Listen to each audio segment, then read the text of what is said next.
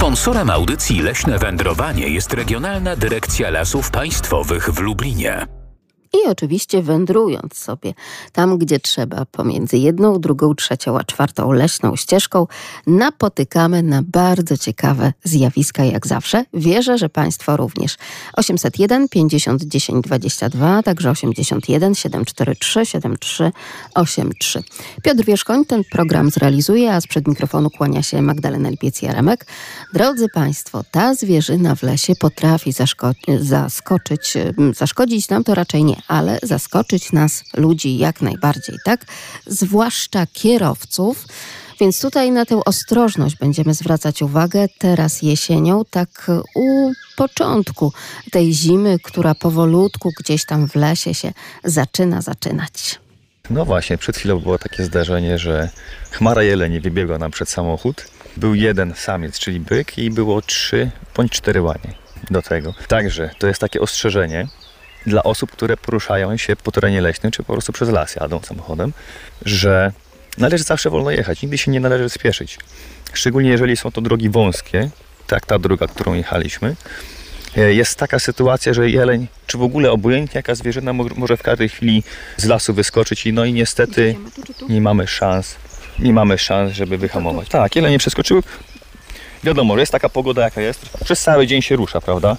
W ciągu dnia zazwyczaj ona, ona się nie porusza. Nie jest, jeżeli nie jest niepokrojona przez nikogo, to jest, zalega w jakimś miejscu i cały czas w tym miejscu jest. W tym wypadku mamy deszczową pogodę, więc one spokojnie sobie wychodzą, wiedzą, że jest spokojnie, więc, więc właśnie, tak było jak było. Tak było jak było. Od tego deszczu grudniowego już powoli przechodzimy do dosyć zimnych dni choć ciągle jeszcze bez śniegu. Zdarzają się owszem takie obrzeża naszego województwa, gdzie być może jeszcze ten śnieg odrobinę chociaż pozostał, ale niestety po tych pięknych opadach sprzed tygodnia, dwóch niewiele w lesie pozostało. Oczywiście będziemy dla Państwa szukać także i tych śnieżnych leśnictw, żeby je pokazywać, a na razie jesteśmy w leśnictwie Kalenne, teren nadleśnictwa Janów Lubelski. I tutaj takie pytanie od pana leśniczego nasuwa się nam również w redakcji. Dlaczego, na co i po co tak naprawdę ta zwierzyna zbiera się w te chmary, zbiera się w te stada właśnie o tej porze. Z czego to wynika i czemu to tak naprawdę ma służyć? 801 50 10 22, a także lasmałparadio.lublin.pl. A odwiedzając teren Nadleśnictwa Sernaki podpytaliśmy także chociażby o te ważne kwestie związane z dziką zwierzyną, tym razem z dzikiem w lesie. Jak tak naprawdę wygląda ta sytuacja i to odnawianie się bądź nie populacji po tej chorobie ASF? Na przestrzeni ostatnich lat, tak jakby populacja dzika zatrzymała się na tym etapie po tym ASF-ie pierwszych latach od ASF-u no, populacja drastycznie spadła dzika. To trzeba przyznać. Teraz następuje mm, chyba z tego co się orientuje bardzo delikatny wzrost populacji dzika, ale nie jest to jakiś wzrost znaczący.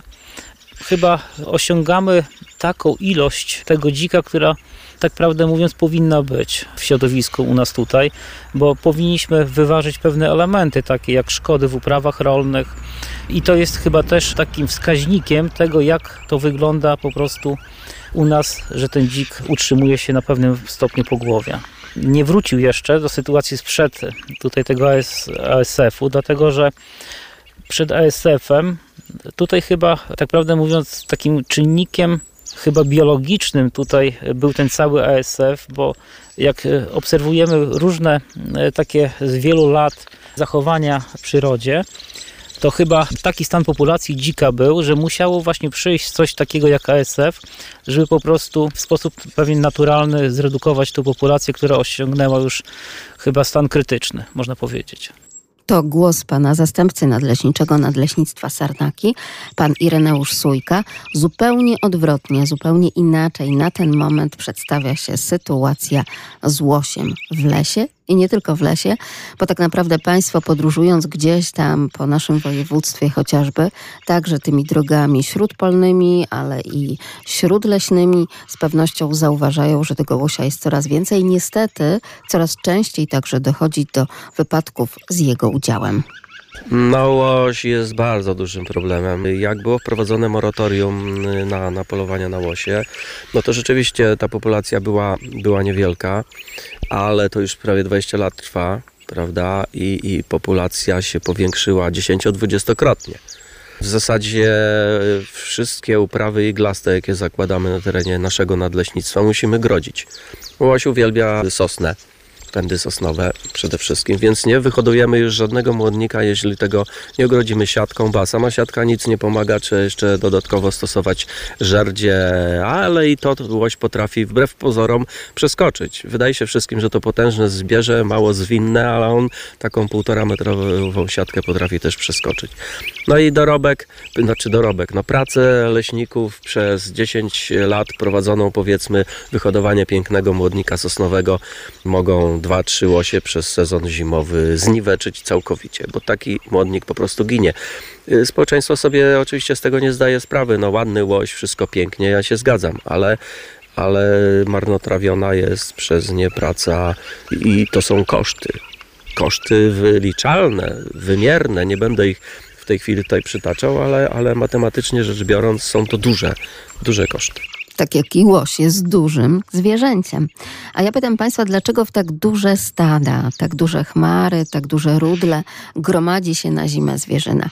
Wtedy, kiedy na przykład, nie wiem, 20-30 lat temu na lekcjach biologii czy też przyrody dzieci miały za zadanie wskazać no, te zmiany zachowań tak naprawdę zwierząt pomiędzy latem, jesienią a zimą, czyli w jaki sposób na przykład zwierzęta przygotowują się do zimy, no to gdzieś już to troszeczkę się rozmyło z tych e, wszystkich rzeczy, o których właśnie te dzieci te 20-30 lat temu się uczyły, bo teraz wygląda to troszeczkę inaczej. I chociażby do tych zmian, jeśli chodzi o przygotowania do zimy, możemy dodać no, na przykład ubarwienie, tak, zmianę ubarwienia i o tym jeszcze będziemy mówić, ale również to gromadzenie się w większe stada i rudle. Dlaczego tak się dzieje? Czemu to ma służyć? 801 50 10 22, a my, żeby lepiej obserwować tę zwierzynę i bardziej poznawać poznawać jej zwyczaje, udajemy się na ambonę, na ambonę myśliwską. Stamtąd rzeczywiście troszeczkę więcej widać. I zresztą są takie okresy w roku, kiedy to leśnicy i myśliwi coraz częściej zasiadają na tych ambonach. Jesteśmy teraz na ambonie myśliwskiej. Ona jest celowo tak wysoka, żeby był z niej bardzo dobry widok. Wyjaśnię dlaczego na ambonie, dlaczego myśliwi często polują z ambon. Powodów jest kilka. Pierwszy, bezpieczeństwo strzał oddawany z ambony myśliwskiej zawsze skierowany jest w dół, więc mamy kulochwyt w postaci ziemi. Druga sprawa jest taka, że po prostu możemy obserwować zwierzęta na dużo dalszą odległość. Będąc na dole widzieliśmy ma maksymalnie 100 metrów, a teraz myślę, że nasze pole widzenia zwiększyło się o kolejne 100 czy 200 metrów. Trzecim powodem jest to, że wiatr, który da zapach, który posunie się po lesie, też często dzięki temu idzie górą po prostu i te zwierzęta nas nie wyczuwają na tak bliską odległość. Także myślę, że są to trzy powody. No i przede wszystkim, no, tak jak widzimy, no, widok z niej jest niesamowity. Z ziemi aż której nie widzieliśmy. Ta trawa jest tak wysoka, że nawet jeleniom czasami wystaje tylko głowa tak naprawdę, więc zobaczenie z ziemi tego jelenia byłoby niemożliwe, natomiast z ambonu już można go dokładnie zaobserwować. No i oczywiście ta szersza, wyższa nawet w tym przypadku perspektywa. Dzień dobry Panie Marianie. Dzień dobry, dzień dobry. W Górecku zima czy jesień? Pani... Halo? Czy w Górecku zima czy jesień, podpytuję. Nie, w Górecku tak ponuro, no ale będzie ładniej, będzie pięknie. Ja na razie to jest tak ponuro i właśnie szykuję sobie jakąś kawę. E, natomiast jako to większe dziecko trochę, to i porównując e, czasy z dzieciństwa, no to przypuszczam, że to ta zmiana ubarwienia, gromadzenie się chmary, grupy, stada, to może być związane z tym, że tak samo jak poprzednio, tak samo i teraz yy, zwierzęta i ptaki trochę zabezpieczają się przed tym, żeby być mniej widocznymi, żeby się tak dopasować bardziej, współgrać z tym środowiskiem, które, w którym przebywają. No po prostu przyroda też się dostosowuje do, do, do warunków chyba. To prawda. Jeśli chodzi o ubarwienie, jak najbardziej tak. No i tutaj e, ta nauka e, biologii i zachowań zwierzyny nie zmieniła się e, przez lata, bo ta zmiana następuje, choć też niektórzy naukowcy zaznaczają, że być może już nawet nie tak wyraźnie, no bo po prostu przecież te zimy już nie są aż tak szalenie białe. Natomiast no to... to- gromadzenie się w rudle, w stada, dlaczego w tym stadzie, dlaczego tak wiele osobników w jednym punkcie? No, ja tutaj nic więcej chyba nie potrafię dodać, ale też zostawię trochę miejsca dla innych. Także wypowiadajmy cieszę. się razem. Tak, zwłaszcza, że mamy taką parę, proszę sobie wyobrazić, Panie Marianie, bo tu mamy Pana Mariana z Górecka i mamy Panią Mariannę. Więc proszę O. bardzo, para imienników. Wyjątkowe szczęście. Wyjątkowe szczęście jak zawsze. Dzień dobry Pani Marianno. Dzień dobry, pani redaktor. Yy, Bardzo trafnie e, pan Marian, pan Marian tutaj nam e, właśnie swoje spostrzeżenie przekazał. Mi się też jeszcze wydaje, że to jest w ramach bezpieczeństwa, że te, te zwierzęta, jest ich więcej i one właśnie może czują się bezpieczniej, a nawet wtedy, kiedy tam nawet e, mają swój nocleg, to one się do siebie przytulają i jest im cieplej. Także jest na pewno wiele innych takich jeszcze zachowań, które o tym świadczą. Ja, pani redaktor, jeżeli można, to jeszcze przekażę swoje e, spostrzeżenia z wczorajszej wędrówki. No tak Koniecznie. wędrujemy przeważnie dwie, cztery osoby. No i wczoraj właśnie to już jest początek właśnie grudnia, jest pewna stagnacja, taka stagnacja w lesie, ale można jednak e, wiele w tym lecie jeszcze zazwy- zazwyczaj zauważyć. A więc, no cóż, na początek nas powitał, powitał Rudel Saren. Było ich może 8, 9, może 10. One to są zwierzęta bardzo ciekawskie. Chwileczkę zatrzymały się na polu z oziminą. Taki piękny, piękny, pięknie rozległy teren, pól między lasami. Więc y, szybko swoimi susami y, szybko uciekły w kierunku lasu.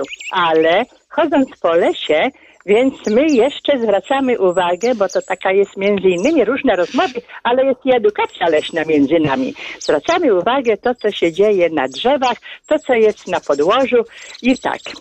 Obserwowaliśmy, bo tam jest między innymi jeden pan z nami, trzy panie, jeden pan. Więc podpatrywaliśmy tropy łosi, dzików, saren, no i lisek sobie tam przebiegał. Oczywiście odchody, czyli mm, tam spotkaliśmy bobki saren, które świadczą o bytowaniu tych zwierząt. Oczywiście tropy i ślady. No więc ślady bytowania tej zwierzyny, na przykład buchtowiska dzików, legowisku saren, podziurawione było mrowisko prawdopodobnie przez dzięcioła zielonego, a inne mrowisko, no tak bardziej ono było spenetrowane, być może to był lisek, może borsuk, no bo chyba, chyba dzik to raczej nie, bo to taki był spory otwór, ale dzik to bardziej to tak, to, to mrowisko bardziej niszczy. A pod dębami, ponieważ nie ma śniegu, leży mnóstwo tych galaców. To są błonkówki, owady, które przede wszystkim na różowatych, na dębach, galasówka dębianka, złożyła jaja do nerwów liściowych, Yy, Potem te jaja tam się wylęgają larwy i one otaczają się taką galarotowatą otoczką, potem się przepotwarzają i na wiosnę wylatują już owady dorosłe. No i cóż myśmy jeszcze widzieli? Aha, na pędach dębu oraz na świerku dostrzegłam listwę mrozową, czyli pęknięcia pnia. Dosyć głębokie to było pęknięcie, ale to już było może kilkuletnie, bo już się zdążyło zabliźnić ta rana, ta, ta, ten, ten, ten znak, ale jeszcze nie zupełnie to. To następuje wskutek dużego mrozu, minus 20 stopni. No i cóż jeszcze? No tak, wierzchołki sosen są zainfekowane przez półpasożytniczą jemiołę, której owoce są przysmakiem jemiołuszek, paszkotów, a nad naszymi głowami przeleciała, przeleciało statko reniuszków, takich małych, świergocących kuleczek z długimi ogonkami. Na podłożu, na podłożu i na drzewach yy, spotkałam porosty. Czyli są to bioindykatory, czyli są to wskaźniki czystego powietrza, więc cieszę się, bo moja okolica jeszcze i mieszkamy e, wśród właśnie lasów, gdzie jest powietrze jeszcze niezbyt skażone. A I więc można chodzić, spacerować i wdychać to można, powietrze, można pani świeże, tak. I to tak. To też wskaźniki powietrza, więc to są chrobotki. Y, rozpoznałam. Reniferowy, koralkowy, kubkowy, złotorost ścienny, pustułka. Jest i taki ptak też pustułka, prawda? No i właśnie, a na brzozie y, spotkałam czarną, chropowatą taką narość. Y, Ludzie zbierali, a nawet mój sąsiad już zmarł, ale kiedy był chory na nowotwór, to więc y, córka zbierała y, z tej, znaczy zeskrobywano z tej brzozy ten błyskoporek podkorowy, tak zwany porek brzozowy, który nazywany jest również darem Boga. Tak, to prawda. Mówiliśmy o tym, tak, pani tak, Marianno, ale niestety już w ostatnich latach, Wiem, wie pani, wiem. to dobrze, Tak, tak, tak, już, został Już jest, tak, wciągnięty na listę roślin chronionych również, Tak, więc y, tak. teraz już tego praktykować nie można, Nie tak po można. prostu. Tak. E, Panie redaktor, jeszcze jedno. E, Co w moich karmnikach? A więc e, cieszę się, że niewiele tych ptaków przylatuje. Są sikorki przede wszystkim i synogarlice. E, Porównuję z moimi obserwacjami, które ja prowadziłam przez wiele lat i prowadzę, nawet 10 lat temu czy 11-12 lat temu. Temperatura grudnia była zbliżona do obecnej, ale tych ptaków w karmnikach było zdecydowanie więcej. Więc ja wczoraj specjalnie pojechałam na targ, żeby kupić im ziarna słonecznika, bo powiem, że również otrzymałam od mojego byłego ucznia, który ukończył leśnictwo i pracuje w nadleśnictwie Garwolin. I ten mój kochany Pawełek przekazał mi sześć takich dużych kul, właśnie tłuszczowo-nasiennych, w tych siateczkach biodegradalnych. Także powiesiłam, bardzo się cieszą powodzeniem te, te siateczki, znaczy te, te, te kule. Powiesiłam też słoninkę, ale pojechałam na targ. Targ kupić słonecznik, no i tam jeszcze inne oleiste nasiona. No i co, co mnie bardzo cieszy, wiele osób moich, mojego środowiska, babcie, y, dziadkowie czy rodzice moich byłych uczniów, uczniowie, którzy tam gdzieś jeszcze się uczą, pracują i tak jeszcze zasięgają informacji do mnie, pani Marysiu, może to, może to i kupują właśnie te nasiona dla sikorek i widzę, że jadąc autobusem czy przechodząc, że na podwórkach wiszą te, te, te, te, te właśnie siateczki, te dzwonki, te właśnie słoninki. I to jest ważne, że w myśl przysłowia starożytnych Rzymian Verba docent, exempla trahunt. Słowa uczą, lecz pociągają przykłady, więc zostają przykłady z lat pracy i to jest wielka dla mnie radość. Bardzo się cieszymy, że to właśnie tak tak. jest, pani Marianno. A pani działania są przykładem teraz dla nas, także dla innych radiosłuchaczy. Bardzo za to wszystko dziękujemy. Pozdrawiamy serdecznie. Dziękuję, ale Państwo, Wy jesteście przykładem dla mnie, dla nas, bo tak ciekawych informacji, które my się dowiadujemy, radiosłuchacze, jest to wielką inspiracją i nie tylko dla mnie, dla wielu radiosłuchaczy, ale i dla mnie, kiedy ja idę do lasu i bardziej, jeszcze bardziej wnikliwie ten las, te drzewa obserwuję, tę zwierzynę i jakieś ciekawostki zdobywam. Ja bardzo serdecznie dziękuję, jestem bardzo wdzięczna za tak przemiłą i tak edukacyjną audycję. Naprawdę jesteście Państwo wspaniali, kochani i oby tak dalej. Dziękuję bardzo. Do Bardzo widzenia. dziękujemy. Dziękujemy pięknie. W takim razie uszy i oczy szeroko otwieramy na to wszystko, co dzieje się w lesie, drodzy Państwo, i spoglądamy, jak zachowuje się właśnie ta zwierzyna zimą, bo jak najbardziej zgadza się wszystko to, co mówił pan Marian z Górecka Kościelnego i pani Marianna do kompletu. To jest takie zachowanie w zależności od gatunku, prawda? Bo u jeleni mówimy, że zbierają się w chmary, u saren mówimy, że w rudle, ale to jest typowe takie e, zachowanie u zwierząt związane właśnie z sytuacją, która ułatwia im przetrwanie, szczególnie tego okresu zimowego, gdzie im łatwiej zarówno chyba i zdobyć pokarm, ale przede wszystkim chodzi o bezpieczeństwo, dlatego że też widzimy, że coraz więcej wilka się pokazuje i zbieranie, właśnie zbijanie się w te większe takie chmary, rudle też jest z tym związane po prostu, bo od zwierzyna od zawsze na okres zimowy zbierała się po prostu większe chmary. Te większe chmary dlatego, żeby po prostu no, przetrwać, bo jest im na pewno łatwiej. Jak zauważymy tutaj, prześledzimy, bo są różne te zbierane informacje co roku na temat występowania wilka, to jednak zauważymy taką tendencję, że wzdłuż Bugu, wzdłuż tak północ-południe, jednak ten wilk znalazł sobie ten kierunek wędrówek. Północ-południe, południe-północ, tutaj się przemieszczają. W pierwszej kolejności to dało się zaobserwować, wybierały te większe kompleksy, ale ze względu na to, że ta populacja wilka osiąga dość większe ilości, dlatego on zaczyna zajmować nowe terytoria ze względu na po prostu konkurencyjność również wśród e, samych wilków. A my teraz pytamy Państwa, jak wygląda wilk na zimę. To znaczy, jakie nosi ubarwienie 801 50 10 22 i czy ono się bardzo zmienia. lasmałpka.radio.lublin.pl Sponsorem audycji Leśne Wędrowanie jest Regionalna Dyrekcja Lasów Państwowych w Lublinie. Leśne wędrowanie z Radiem Lublin. A my wędrujemy, drodzy Państwo, i jak zawsze otwieramy szeroko oczy i uszy, a tam na przykład w lesie zimą, na przykład to można troszeczkę gdzieś jakiejś gęsiej skórki dostać wilk. Co możemy zapytać? Już wszystko wiadomo jest o wilku. Pan leśniczy się zastanawia, jakie pytanie konkursowe można Państwu zadać, bo Państwo, nasi radiosłuchacze, już chyba prawie wszystko wiedzą o tym wilku. Ale czy Państwo wiedzą, że zimą tak naprawdę wilki wydają się o wiele większe niż latem, a ich kończyny i uszy krótsze niż są w rzeczywistości.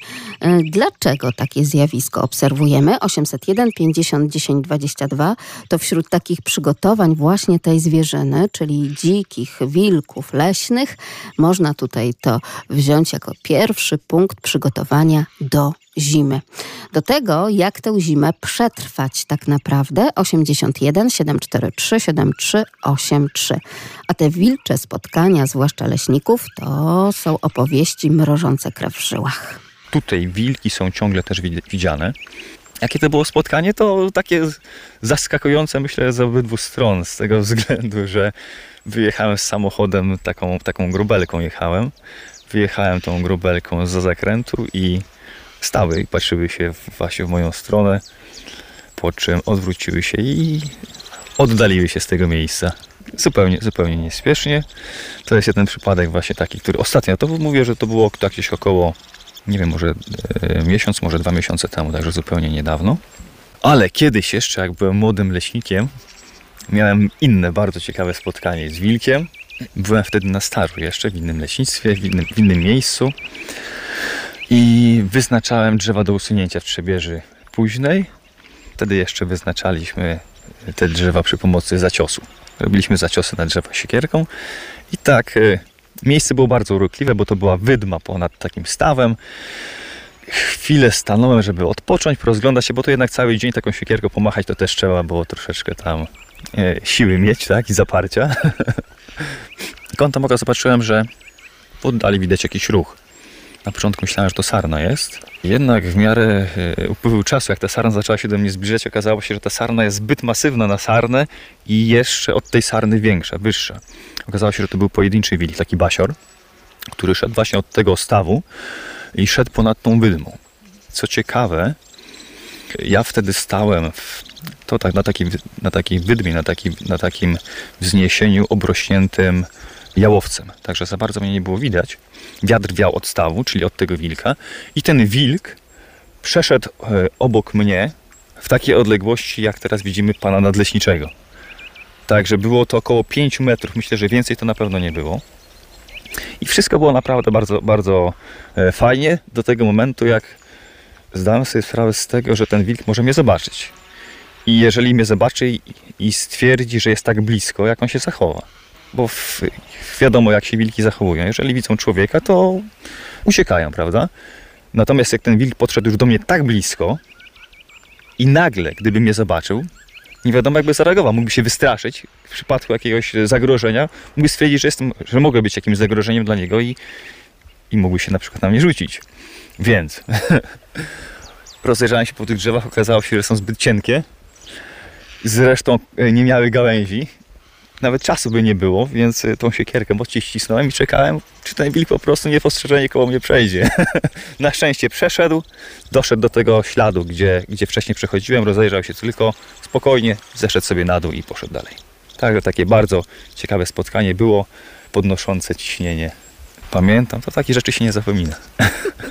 To są dopiero historie do opowiadania w naszym leśnym wędrowaniu z siekierką na wilka. Nie wiem, czy to by cokolwiek dało. Ale jak to jest z tym wilkiem właśnie na zimę? Dzień dobry, pani Bożeno. Dzień dobry.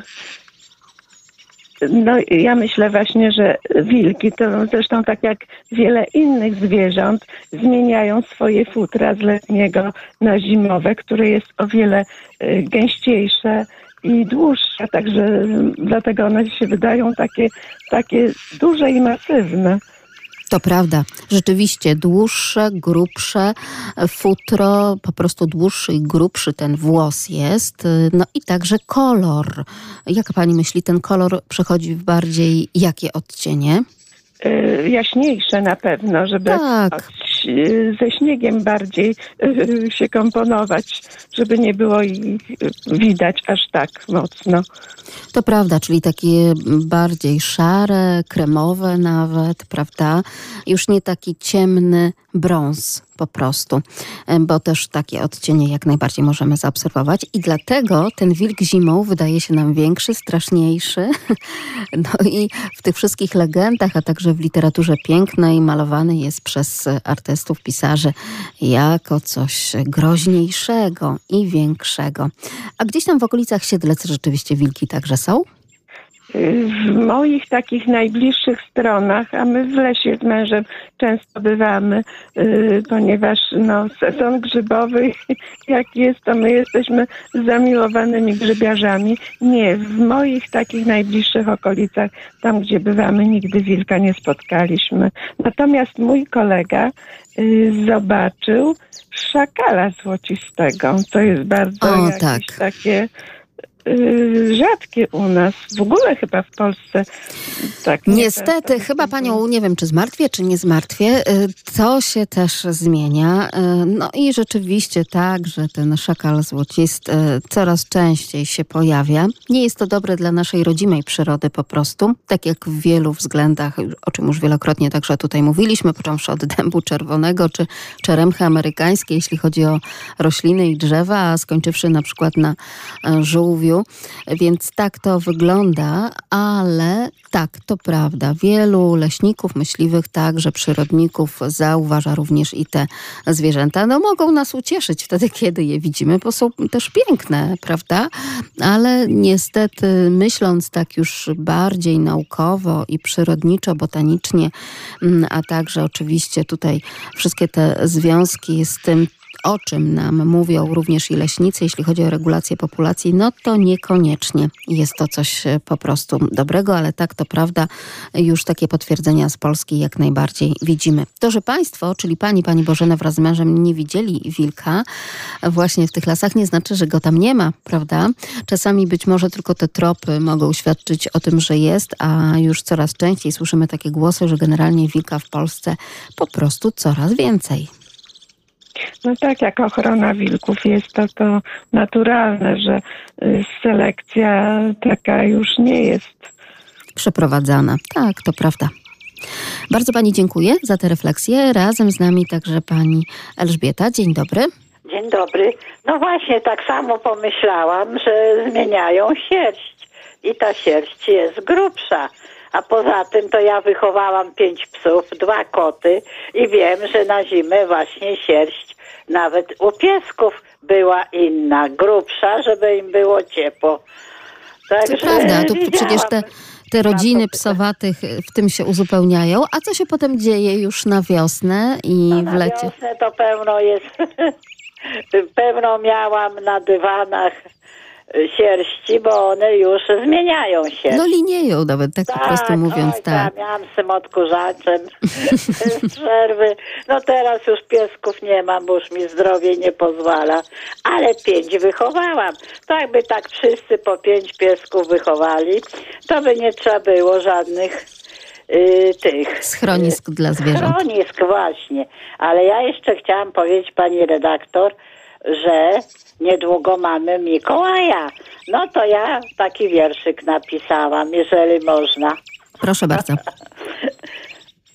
Święty Mikołaj to taki pan, który prezenty dla nas ma. Bądź grzeczny rok cały, aby i tobie się dostały. Święty Mikołaj z pustymi workami już wraca, na tym polega jego praca. A my na drugi rok prezenty dostaniemy, jak będziemy grzeczni. No tu troszkę się pomyliłam, bo to świeży wiersz. Nie szkodzi, ale jak najbardziej rozumiemy. Wystarczy te rymy dopracować. Bardzo dziękuję No ja mam Pani Elu. tyle tych kajetów z tymi wierszami na każdą Proszę trzymać, na pewno będzie czas i chwila, żeby do tego wszystkiego wrócić. Tak, tak, na każdą okazję. Dziękuję bardzo. Bardzo dziękuję. Dziękuję, Ja że się tylko. dodzwoniłam, bo dawno nie mogłam się dodzwonić. A co sobotę? Pani redaktor, słucham, ale jeszcze bym miała taką prośbę. Dlaczego tylko sobotę? Dlaczego chociaż jeszcze jeden dzień, żeby y, y, była ta audycja? No, tylko sobotę to tak szybko i krótko. Ale Nie niektórzy mówią, że napisać lepiej smakuje, bo się troszkę czeka. Bardzo Tak, dziękuję to Pani Elu. Dziękuję Pozdrawiam. bardzo. A skoro już, dziękuję, skoro już pani Elżbieta podjęła ten temat Mikołaja, to oczywiście Mikołaj tutaj leśny, niekoniecznie w czerwonym, ale w zielonym może ku braku także i do państwa, do naszych radiosłuchaczy zapuka. A my powracamy do tych wilków. Pani Małgorzata pisze, że na zimę wilki zakładają cieplejsze, takie większe po prostu futerko. I zresztą często chyba też jest e, takie złudzenie optyczne, bo ostatnio, kiedy wracałam rano z pracy i spotkałam łosia, który wydał mi się z początku wielkim, majestatycznym jeleniem, stał na opruszonym śniegu polu i był naprawdę olbrzymi, tylko to poroże jakieś inne, no i się w końcu zorientowałam, że to nie jeleń, że to łoś. Ale pani Joanna potwierdza, że wilk wydaje się także większy zimą, bo zimą ma cieplejsze futro, no i ten strach ma wtedy wielkie oczy, ale dodatkowo bez zieleni w lesie wszystko, co się rusza, wydaje się po prostu większe. No i troszeczkę e, poprzez te gałązki, już bez listków, e, troszeczkę więcej po prostu widzimy. A wilk zachowuje się tak jak normalny pies, czyli dobudowuje, czyli rosną mu na zimę te włosy e, wełniste. Później po tym okresie zimowym te włosy wypadają, wydrapuje sobie, po prostu wypadają. Linieje, że tak powiem, prawda? Tak to wygląda jak, jako normalnego psa. Może troszkę jaśniejszy ten kolor być. I rzeczywiście taki jest. Kiedy spoglądamy na przepiękne zdjęcia artystów, fotografików przyrody, to te wilki na takim zimowym gruncie są po prostu jaśniejsze, bardziej szarawe. A kiedy spoglądamy na zdjęcia i fotografie te mm, letnie, gdzieś tam na zielonej trawce, to wtedy widzimy, że po prostu więcej tego koloru brunatnego niż siwego widać. 801 50 10 22. Słuchacze już zaczęli opowiadać o tym, jakie obserwacje czynią, spoglądając na karmniki za oknem, czy też na te kule tłuszczowo-nasienne, o których mówiła pani Marianna. Tam już niesamowity spektakl oczywiście tych sikorek i wszystkich innych, które przylatują do stołówki. Pan leśniczy też takie obserwacje czynił i czyni po dziś dzień, ale tutaj mamy wspomnienie no, swego rodzaju z czasu dzieciństwa. Obserwowałem ptaki, no jeszcze byłem dzieckiem wtedy. Obserwowałem przez okno ptaki, była karma wywieszona przed domem. Te ptaki tam żerowały na tej karmie. Pod tym karmidełkiem, że tak powiem, pod tą karmą. Na dole zazwyczaj myszy lubią tak przebywać i, i obserwując to zauważyłem, że coś kremowego się rusza, rusza na ziemi. Coś kremowego. No, w literaturze określa się ten kolor właśnie zimą jako biały, ale latem jego sierść jest koloru czekoladowo-brązowego na grzbiecie i żółto-białego na brzuchu z czarnym końcem ogona. A w zimie właśnie futro ten zwierzak zmienia na białe z czarnym końcem ogona. Kogo pod tym karmnikiem, bo nie przy karmniku, ale tuż pod karmnikiem obserwował pan leśniczy, kto też przyszedł się tam pożywić razem z tymi zwierzętami. A o tym dokarmianiu zwierząt zimą, jak najbardziej racjonalnym, także pani e, Krystyna. Dzień dobry. E, Dzień dobry Pani redaktor i słuchaczom. Pozdrawiam wszystkie zwierzęta leśne i nasze na podwórkach i przy blokach w mieście. Pani redaktor, do nas przychodzi Mikołaj, może by do tych zwierząt też cały rok, przynajmniej w zimie, do tych ptaków. Ten Mikołaj w postaci ludzi, y, którzy po prostu kochają zwierzęta i przyrodę, kupowali też jakąś karmę od rolnika i po prostu karmili te ptaki. Był kiedyś taki program, ktoś się wypowiadał, że jest mało ptaków. No nieprawda, no ptaki są. U mnie, pani redaktor, całą zimę i całe lato są ptaki. No oczywiście ja dokarmiam kaszą i zimę od rolników kupujemy. I była wina kotów. To też nieprawda. Koty wszystkich ptaków nam y, nie, nie zjedzą. Ja mam psa, żyję cały czas z kotami i u mnie kot nieraz potrafi kotka siedzieć w karmniku, a nad karmnikiem pełno ptaków i ten kot nie zje tego ptaka, jak jest dokarmiony, wy, wy, ja- jak jest najedzony. I teraz ja już nie mam też tyle siły, no to więc dzieci to wszystko dalej przy blokach, bo mieszkają, są dorosłe, organizują. I apeluję, żeby te koty też zrobić budki tym kotom na zimę, wysterylizować i dokarmiać. I ptakom też przy blokach można zrobić różne budki, jakieś karmniki wiszące, żeby ten kot tak nie wszedł szybko. I te ptaki po prostu niech sobie żyją, bo jak ptaków nie będzie, nie będzie kotów, to i nas ludzi kiedyś też zabraknie. Tak jak w lecie y, nie będzie takiego klimatu. W lecie trzeba i wodę wystawiać, i ptakom. No ale teraz zima, no te ptaki no po prostu też chcą jeść.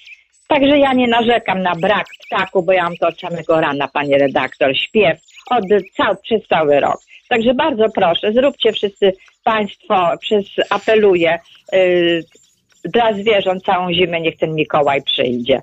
Dla tych naszych kochanych zwierząt ptaków. Bardzo Dziękuję piękny wszystkim. apel.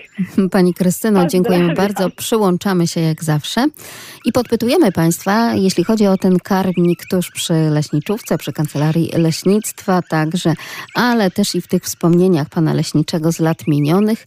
Jakiż to zwierzak, taki mały, drapieżny ssak z rodziny łasicowatych, który mieszka na obrzeżach lasów, w zaroślach, jest naziemnym zwierzęciem drapieżnym, prowadzącym raczej nocny tryb życia, no ale jak zgłodnieje, to nawet pan leśniczy jako dziecko widział go pod karmnikiem razem z innymi ptakami. Gdzieś tam sobie wędruje i podchodzi. Jakiż to zwierz podszedł właśnie pod ten karmnik? Halo, halo, dzień dobry. Dzień dobry. Kłaniam się uprzejmie. Czy pani może zna odpowiedź na nasze pytanie?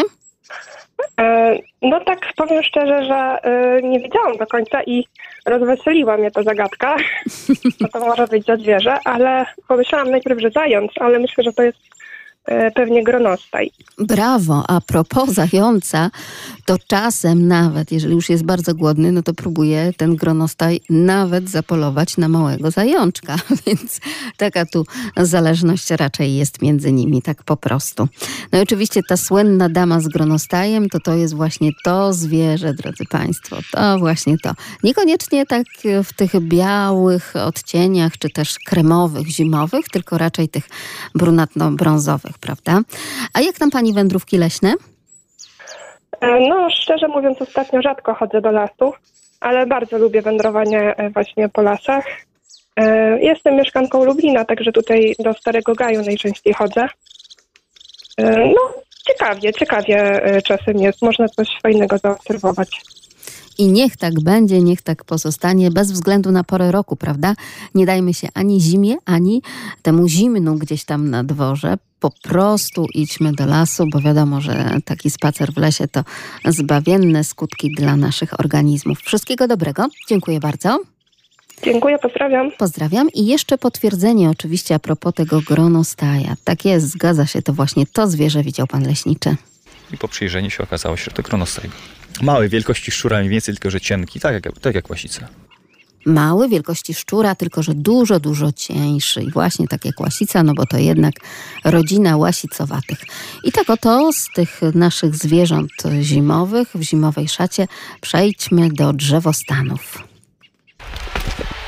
I będziemy dalej szli, bo tutaj nie ma sensu, żeby się pani wybru- wybrudziła, prawda? I tak jak widać, o tutaj w tym miejscu mamy taki obszar, który jest, no jeśli chodzi o tereny janowskie, o lasy janowskie, żyzny. Y, Jest tutaj glina w podłożu. W związku z tym mamy bardzo y, duże zróżnicowanie, jeśli chodzi o gatunki występujące. Bo tak zazwyczaj to lasy janowskie to sły, słyną z, z sosny, prawda? Jest to dobrej jakości sosna. Natomiast akurat w tym miejscu mamy cały szereg różnych gatunków. Można powiedzieć, że wszystkie gatunki, które występują u nas w naszym, naszym nadleśnictwie. Także są tu buki, są tu graby, są tu dęby, olszyny, brzozy, osiki, jodły, świerki, wszystkie gatunki. No oczywiście jest też i sosna, prawda? O to, to miejsce to nie jest taki stały obrazek Lasów Janowskich.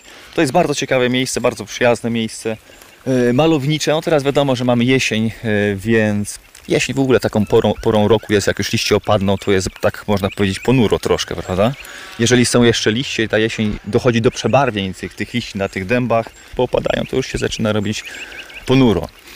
Tutaj gdybyśmy wrócili na wiosnę, to zupełnie to inaczej wygląda. Zresztą w lesie przez cały rok jest pięknie, tylko że są takie okresy roku, gdzie jest, gdzie jest jeszcze piękniej. Oczywiście na wiosnę do leśnictwa kalenne na terenie Lasów Janowskich, nadleśnictwa Janów Lubelski też będziemy powracać tutaj, żeby pan leśniczy był spokojny, no ale teraz podziwiamy taką, a nie inną e, pogodę i oczywiście taki, a nie inny las w danej porze roku. Ale podziwiając to wszystko, no to tak nie do końca zgodzimy się z tym, że nie ma niczego zielonego. No są drzewa przecież zimozielone, są drzewa oczywiście także iglaste. Chciałem zadać pytanie słuchaczom. W jakim gatunku iglastym nie spotkamy żywicy w drewnie?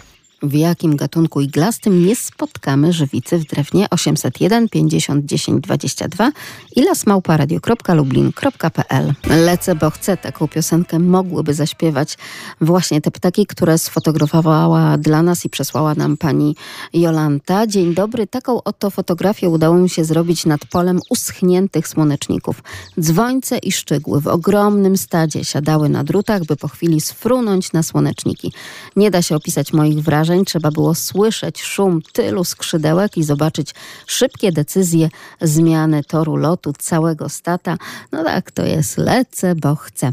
Lecą sobie, lecą oczywiście, a my je obserwujemy. Jeżeli tylko udaje nam się zrobić takie piękne zdjęcia jak pani Jola, no to też możemy się jak najbardziej tym poszczycić. Państwo piszą, że drzewo bez żywicy to na przykład cis pospolity, że to modrzew, że to świerk, ale tak chyba nie do końca pani Ewo. Dzień dobry. Dzień dobry. E, Drzewem nieposiadającym żywicy z e, iglastych oczywiście to jest jodła. Tak jest, to jest prawidłowa odpowiedź. Otóż to, to jest Nie właśnie. ma tych kanałów swoich żywiczych. Tak. Żeby można było naciąć korę i podstawić pojemniczek i zebrać żywicę. Mhm. Nie ma jodła pospolita, pisze pani Marysia, a w moim ogrodzie rośnie daglezja. E, Też piękna i też pięknie pachnąca, tak delikatnie, chyba cytrusowo po roztarciu tych igiełek. Świetna obserwacja pani Ewo, to prawda. 801 50 10 22, także 81 743 7383 i potwierdzenie oczywiście od pana leśniczego. Tym drenem jest właśnie jodła. Bo tak jest. Jest tak, że spośród gatunków iglastych, rodzimych, które tutaj w Polsce występują, czyli tutaj mamy do czynienia z jodłą, modrzewiem, świerkiem, sosną, wszystkie gatunki posiadają, posiadają żywicę w drewnie. Jedynym gatunkiem, który tej żywicy nie posiada w drewnie jest jodła. Tu jest taka ciekawa sprawa, bo potrafią się pojawić między, między włóknami takie pęcherze żywiczne z żywicą, jednak w samym drewnie tej żywicy nie ma. I drugą ciekawą sprawą jest to, że na cienkiej, młodej korze żywica znajduje się w młodej, cienkiej korze właśnie tej jodu.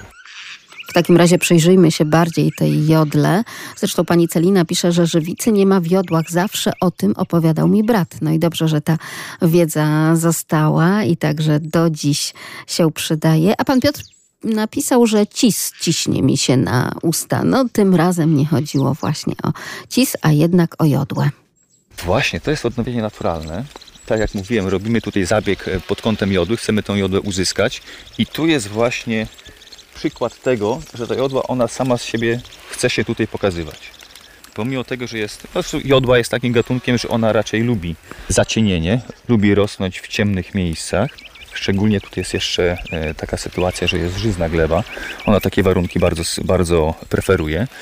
Plus dodatkowo wilgoć w glebie. Jeżeli to jest to gleba gliniasta, zwięzła, więc tutaj podciąg wilgoć jest przez cały rok, prawda? Joda takie warunki preferuje i stąd właśnie, jak widzimy, ona sama z siebie chce w tym miejscu rosnąć. że rośnie i naprawdę możemy ją podziwiać także na terenie Leśnictwa Kalenne, Lasy Janowskie, to już Państwo wiedzą, to jest dobry adres, żeby tam właśnie przyjrzeć się tej jodle, zwłaszcza, że są egzemplarze naprawdę niesamowicie ciekawe. I tu jest przykład taki właśnie, że w, w przypadku, jak mamy teraz jesień, gdy mamy, gdy nas deszcz zaskoczy w lesie, jeżeli się schowamy pod jodłą, czy pod świerkiem, takim dużym, to zazwyczaj przy samym pniu jest sucho. Tam rzadko kiedy deszcz przed, przez tą koronę przesiąga, prawda? Natomiast jeżeli jest to taka burza w lecie, no to powinniśmy takich drzew unikać. Wysokich, z tego względu, że lubią w takie drzewo pioruny strzelić. I tutaj mamy taki przykład. W tym roku, to około dwóch miesięcy temu, to nie było w lecie nawet, tylko, tylko już taką wczesną jesienią, przyszła taka, można powiedzieć, szaruga, to nie była nawet burza. Taki, taki gwałtowne załamanie pogody nastąpiło i zas- zaczęło strzelać tutaj po okolicy. I tu jest właśnie przykład tego, jak wygląda drzewo, w tym wypadku jodła, e, w którą uderzył piorun. Także ona jest trzaskana, prawda? Ona została urwana gdzieś tak mniej więcej w połowie, gdzieś około 10 metrów. I ten piorun jak idzie do gleby, prawda? E, Szuka tego uziemienia, to idzie tym pniem i podczas tej swojej podróży dochodzi do rozszczepienia włókien drzewnych. I tutaj właśnie widzimy tak, że normalnie drzazgi są porozrzucane w różne strony. I to jest taki przykład pokazujący, że w czasie burzy, w czasie piorunów nie należy się chować pod e, wysokimi drzewami. Szczególnie właśnie w jodłach tak to wygląda, że jak strzeli piorun, to na pewnej wysokości dochodzi do rozerwania tego pnia. To jest po prostu tak, jakby ktoś e, jakiś ładunek wybuchowy w środek wsadził i to drzewo w, w połowie tam na różnej wysokości e, wysadził. I to jest, e, ono jest, e, to drzewo uszkodzone aż do samego, aż do samego, do samej ziemi, do szyi korzeniowej. E, możemy je pozostawić jeszcze trochę, żeby sobie pożyło, ale ono, w tej chwili mamy już jodłę pod spodem, jak widzieliśmy tam w tamtym miejscu.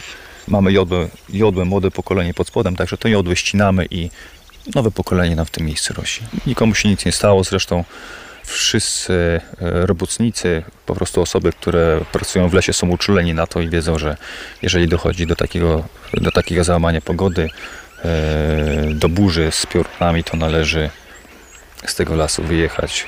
Bądź jeżeli to nas gwałtownie w lesie spotka, to na jakimś niższym lesie się e, schować. Ku przestrodze tutaj stoimy w takim miejscu, że ta jodła jest jedna, ale na obszarze około 50 hektarów to jest kilka sztuk takich, takich e, strzelonych i o tak porozrywanych. Tu jest jeszcze taka rzecz, że do takiego rozerwania drzewa to dochodzi właśnie e, u jodeł. Nie spotkałem się jeszcze, żeby w ten sposób była w połowie rozerwana sosna. I to w sosnach właśnie jest tak, że, że ta listwa piorunowa jest. Zazwyczaj takie, też, też są takie fragmenty, zazwyczaj często, e, że są podrywane włókna drzewne, ale, ale nie dochodzi do takich uszkodzeń jak wiodle.